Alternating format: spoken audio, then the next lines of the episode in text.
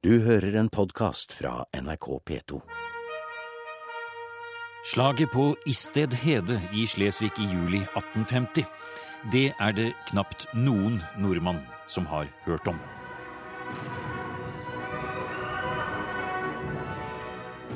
I Danmark er dette borgerkrigen, og på Isted Hede sto det største slaget noensinne i dansk historie.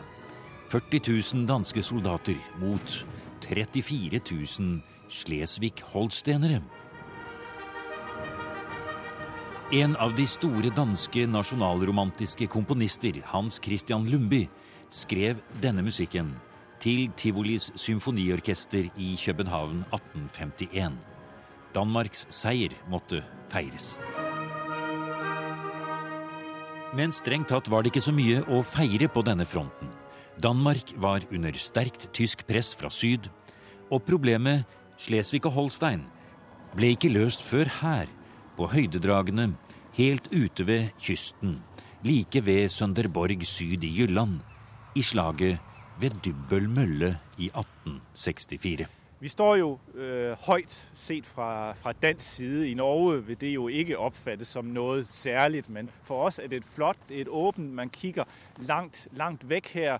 Man kan se øh, 20 kilometer mod syd her til øh, det, øh, der hedder Angel, som nu er en del af Tyskland. Øh, tvers hen over Østersøen her. Ja, for det er jo rett og slett det tyske land vi ser der nede i Ja, men horisonten. Ja. Det er det nemlig, ja. Øh, kigger vi øh, direkte mod syd, så er der så et, et, et næs eller en halvø, der rager ud, og øh, det er Broager land, som så er en del av Danmark øh, i Og like bak den odden der, så går Flensburgerførde inn.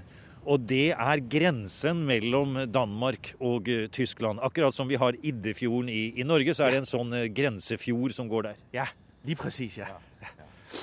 Og hvis vi snur oss litt og ser utover, nå ser, får vi vinden i, i ryggen, så kommer dette typiske, flotte danske landskapet med de små husene, de bølgende bakkene, og selvfølgelig også da en gammel mølle. Det er Dybbøl Mølle, vi ser, ja, som øh, jo for danskerne blir et symbol. Ja. Fordi øh, den lå her også i 1864, og som følge av de voldsomme kampe, det voldsomme beskydning, der sker her, der blir møllen ødelagt. Men det var, den, det var allerede sket tidligere, allerede under de kampe under borgerkrigen 1848-51, hvor der også var voldsomme kampe her på Dybel. Øh, der, øh, der brændte møllen ned. Så to gange mod samme, set fra den side fjende her, blev møllen altså ødelagt. Men også to gange blev den genopbygget. Så, øh, så fra dansk side, fra i hvert fald i, i, øh, i den lokale befolkning her i Slesvig, den dansksindede, der får, bliver den et symbol på, at, at man, man overvinder det, man kommer igen. Ikke også? Ja, Så derfor blir den viktig symbol. sterk. Ja. Det er den danske historikeren Bjørn Østergaard som har tatt oss med ut på bakketoppene ved Dybbøl. Han er leder for det store og moderne historiesenteret som ligger her. For, som han sier, slaget ved Dybbøl mølle 1864, det er et sterkt symbol i dansk historie. Det er rett og slett en del av den danske kanoen og er grunnpensum i skolen. Historien om Dybbøl mølle spiller en viktig rolle den dag i dag, sier Østergaard. Det gør det selvfølgelig i, i stor grad, og det kan vi jo se her for ganske nylig også med, med den her nye historiekanon, som vi ja. har fått i Danmark, altså, ja. hvor man har valgt noen emner ut og sige, at det er noe man i hvert tilfælde skal beskæftige seg med i grundskolen, i folkeskolen. Eh, og, og der har man ikke alene sagt, eller kaldt det krigen 1864, men man har faktisk kaldt det slaget på Dybbel. Man kan jo også godt sige, at, at øh, 1864 det er jo et omdrejningspunkt i den danske øh, historie, fordi at øh, det er jo her, den danske nationalstat skabes. Det er her den danske nasjonalstat skapes, sier Østergaard på bakkene ved Dubbel mølle. Her slutter den multinasjonale helstaten, så å si på 50-årsdagen for den norske grunnloven av 1814. Nå er også Slesvig og Holstein tapt, og Danmark må trekke seg amputert sammen bak sine nye grenser. Nesten en tredel av hele landarealet er tapt. Folketallet blir bortimot halvert, og viktige deler av statens inntekter faller bort. Det er en ren katastrofe for Danmark. Men dette var ikke bare et militært nederlag, sier professor Ruth Hemstad. Det var også en stor skuffelse for de idealistiske skandinavistene i hele Norden. Dette var jo det store nederlaget i dansk historie. Og mange hadde på forhånd trodd at en sterk allianse mellom de skandinaviske landene ville forhindret denne katastrofen. Og man hadde i det lengste også håpet at svenske og norske soldater ville reise uh, og hjelpe sine danske brødre, slik som de også hadde høytidelig lovet og erklært gjennom disse uh, studentmøtene som var blitt avholdt uh, gjennom hele 1840-tallet og 1850-tallet. Det Resultatet var at det bare var en håndfull frivillige som faktisk reiste ned. Norske og svenske regjeringen ville ikke være med på denne vanskelige konflikten. De så ikke selv at de hadde noe eh, interesse av det. Og dermed så ble hele denne eh, skandinaviske drømmen om en felles nordisk stat eller en felles nordisk enhet, hvor de nordiske eh, soldatene nærmest kjempet for hverandre, den, den falt jo definitivt sammen.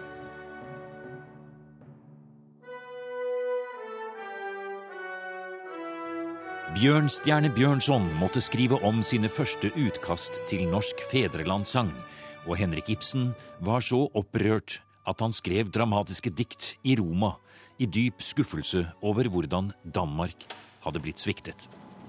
Vi blir nok nødt til å finne et sted med det. Men før vi hører mer om skandinavismen og Ja, vi elsker, må vi tilbake i blåsten på Dybbel banke for å forsøke å forstå litt mer av hva som var kjernen i denne bitre konflikten.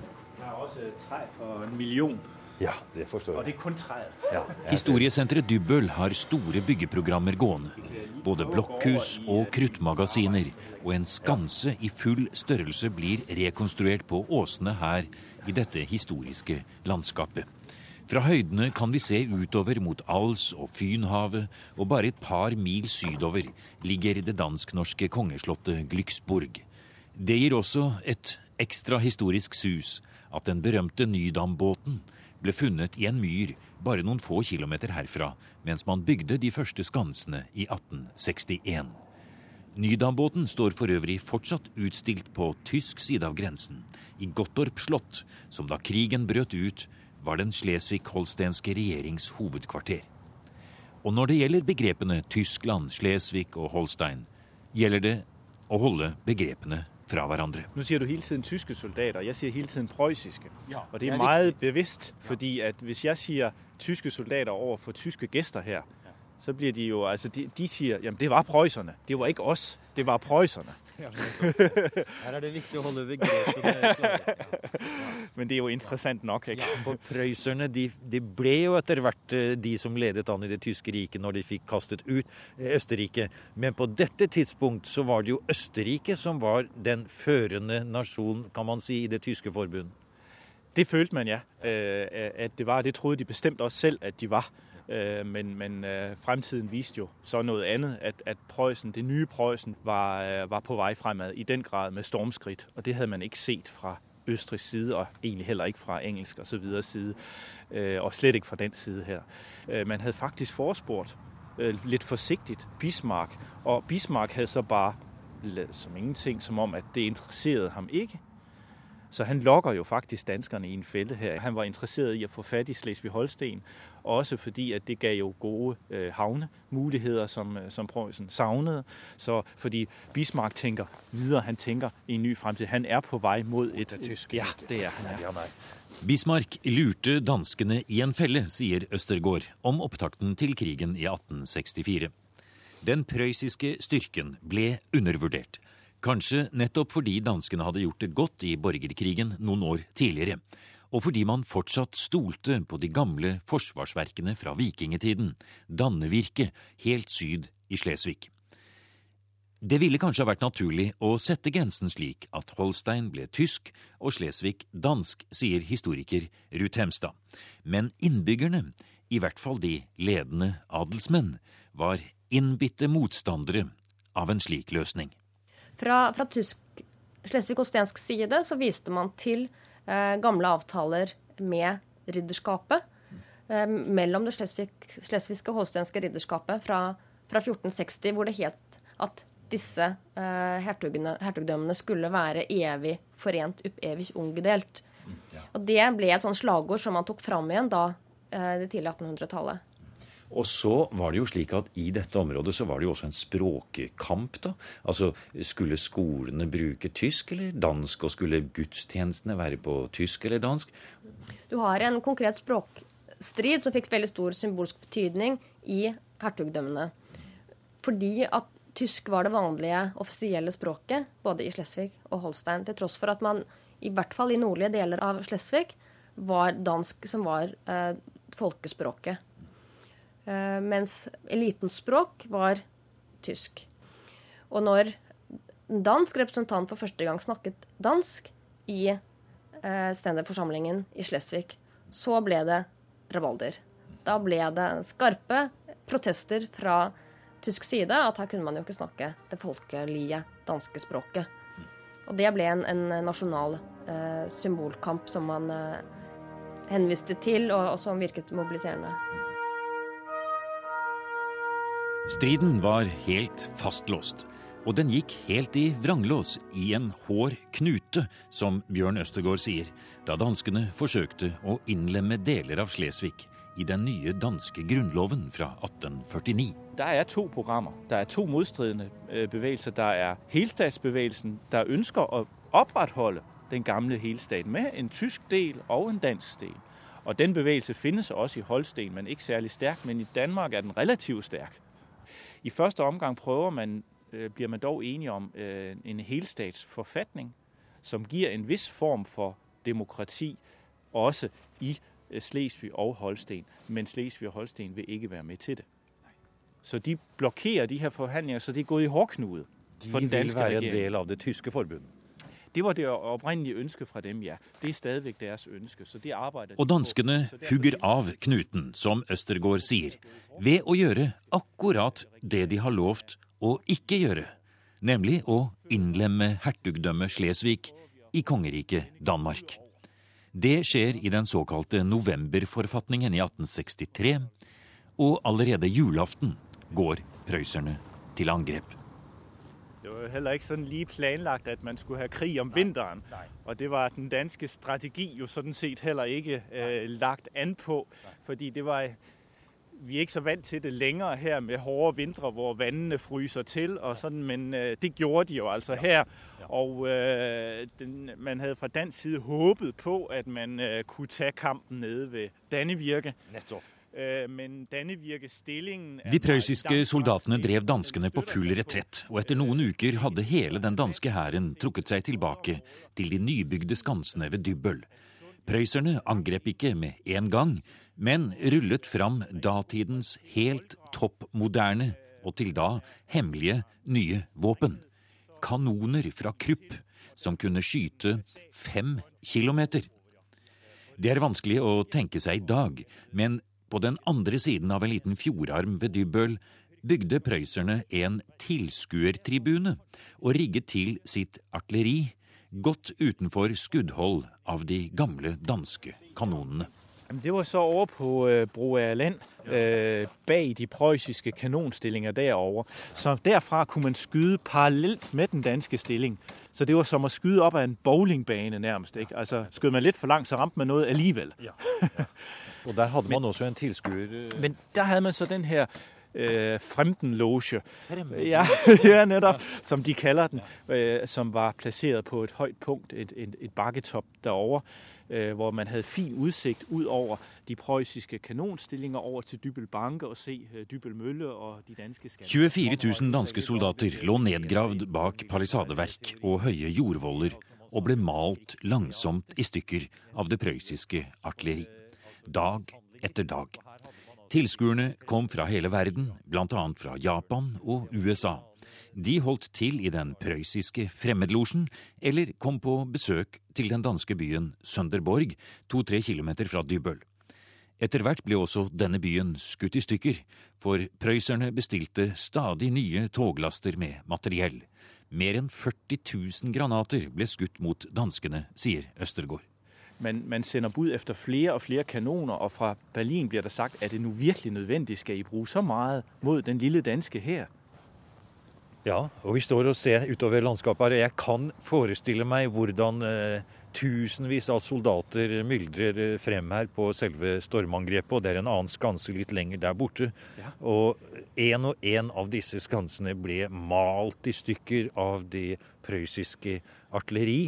Eh, og det var vel klart for svært mange her at det var bare et tidsspørsmål før man måtte trekke seg over pongtongbruene og forlate det hele.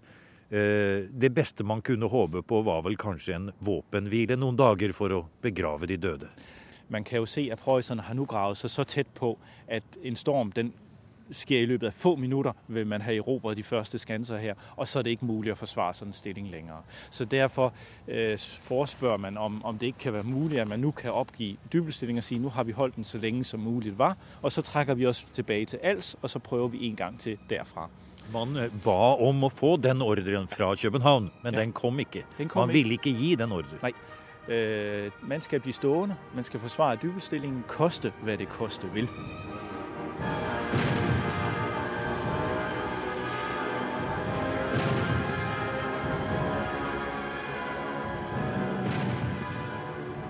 Men uansett hva man gjør, så er det slutt den 18. april. Danskene kapitulerer og får trekke seg tilbake. Slaget om Slesvig og Holstein er tapt. Dybbel skanse ligger nå på tysk side av grensen, og slik skal det forbli helt til 1920.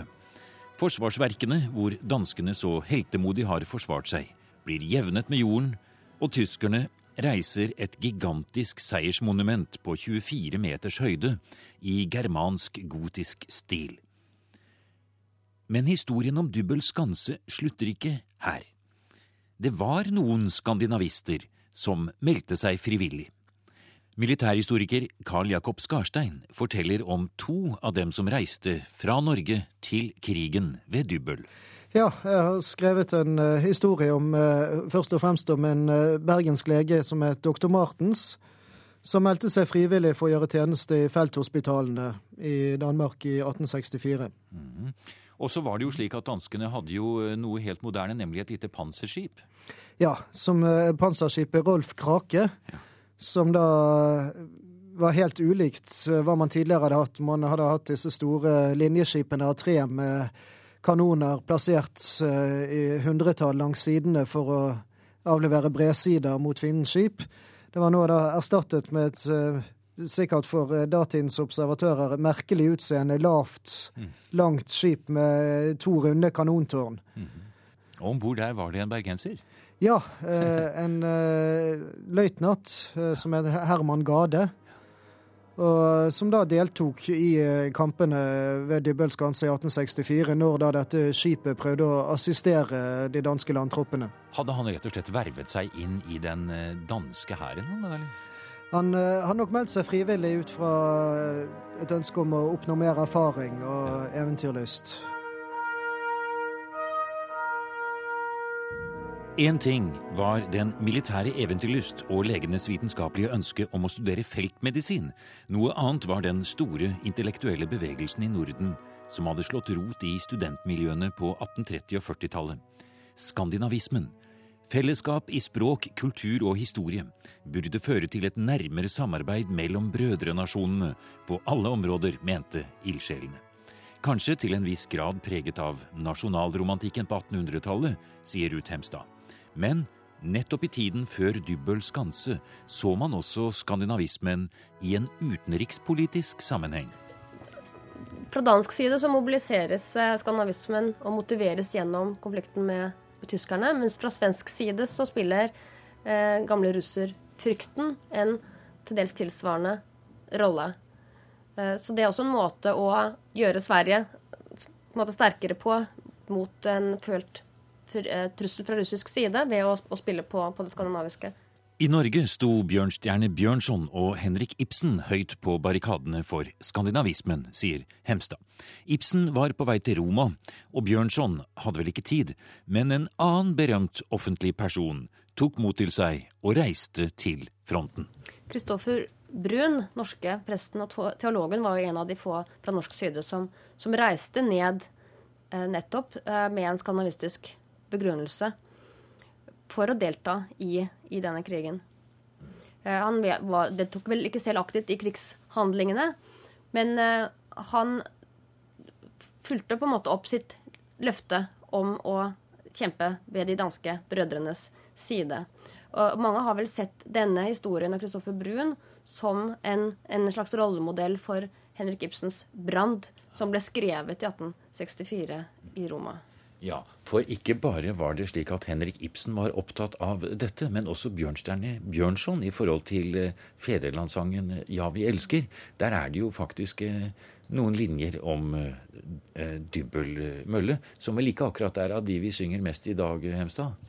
Nei, er det, det, er jo et par vers i, i nasjonalsangen som er redigert vekk, som fremhever det skandinaviske og det norsk-svenske uh, forbrødringen.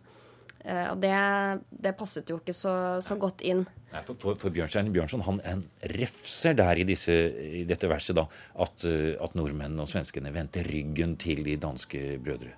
Det gjør jo også Henrik Ibsen veldig tydelig i sitt dikt 'En broder i nød' fra 1864. For han da klager om altså de ord som fløt som om de kom fra hjertet like ut, så var de kun en fraseflom. Nå er tørkens tid. Kongen selv står sterk og åpen som vår grensevakt, og hans aller beste våpen er vår broderpakt. Dette er noen av linjene fra det verset i fedrelandssangen Bjørnson skrev i 1859, men strøk før første offentlig framføring. Broderpakten hadde vist seg å være, som Ibsen skrev til Bjørnson året etter, løgn og drømme, det var altså det hele. Ibsen var i Berlin da de prøyssiske soldatene gjorde sin seiersparade etter felttoget i Danmark, noe han beskrev på denne måten. Jeg så pøbelen brølende velte seg mellom trofeene fra Dybøl, så dem ride på lavetterne og spytte i kanonene. Til Eidsvollsjubileet i 1864 føyde Bjørnson til et nytt vers, der han nevner Kielerfreden og Karl Johans frekke framferd med Nordarmeen vår bror som går til angrep. Deretter minner Bjørnson om skammen ved Dybøl, og håper det beste for et nordisk samarbeid i fremtiden. Fienden sitt våpen kastet, opp visiret for, vi med undren mot ham hastet, ti han var vår bror. Drevne frem på stand av skammen, gikk vi søderpå, nu vi står tre brødre sammen, og skal sådan stå. Det jeg har lyst til å fremheve, er jo at den politiske skandinavismen på mange måter da spilte en fallitt i 1864. Men det åpnet også muligheten for en praktisk skandinavisme og et praktisk nordisk samarbeid som vi lever med nærmest ureflektert i dag. Og, og hele dette store og tette, disse mange nettverkene mellom de skandinaviske landene gjennom ulike typer foreninger, gjennom møtevirksomhet på alle nivåer i samfunnet, det utviklet seg gradvis fra 1860-årene og framover. Og det potensialet for samarbeidet hentes jo stadig fram i ulike sammenhenger, også som en felles nordisk aktivitet internasjonale, på internasjonale arenaer i dag. Men hvordan gikk det til slutt med grensen mellom Danmark og Slesvig? En folkeavstemning i 1920 regulerte grensen noen mil sydover, og Dybbøl kom igjen innenfor den danske grense. Nei, Man har jo en regulert ordning som man er enige om. Men det er et stort dansk mindretall på tysk side og et stort tysk mindretall på dansk side. Og de har egne skoler, barnehager eh, og organisasjoner, biblioteker og en rekke institusjoner på begge sider som ivaretar de ulike mindretallenes rettigheter. Og det var en ordning som man da kom fram til etter, etter 1920. Og det tyske krigsminnesmerket det ble sprengt av den danske motstandsbevegelsen en mørk natt i 1945. Nå er det danskene som bygger ut sitt minnesmerke på Dybbøl. Og Bjørn Østgaard er nøye med å advare mot misbruk av et slikt minnested. Eh, og Det ser man jo så meget tydelig eh, da man involverer seg i Jugoslavien, hvor en dansk enhet, en kampvognsenhet, eh, svarer meget voldsomt igjen på, på, på serbiske angrep. Han setter effekten av dybbøl inn i en større sammenheng. Danmark trakk seg tilbake og ville være forsiktige, ikke minst i forholdet til den mektige nabo i syd.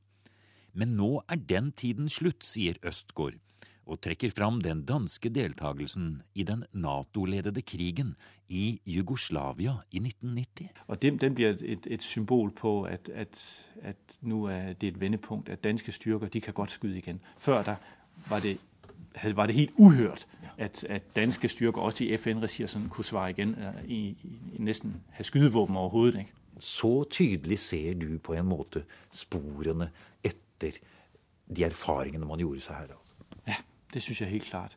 Og, men ikke, det kan jo sagtens dukke opp igjen. Altså, det, det, altså, Dybel kan brukes på, på, på mange vis. Ikke også? Altså, som vi kan se at, at serberne de bruker slaget, jeg kan ikke huske 1400, hvornår, øh, på Solsorte-sletten, øh, som ikke har noe som helst med, med serbisk folk i våre dager å gjøre, men blir gjort til det, for nå kan det brukes til å samle det serbiske folk. Sånn kunne man også forestille seg at Dybbel igjen ble brukt. Det skal vi vare oss for. Så, så man skal virkelig passe på. Du har nå hørt en podkast av programmet Museum fra NRK P2. Send gjerne en e-post til museum krøllalfa nrk.no.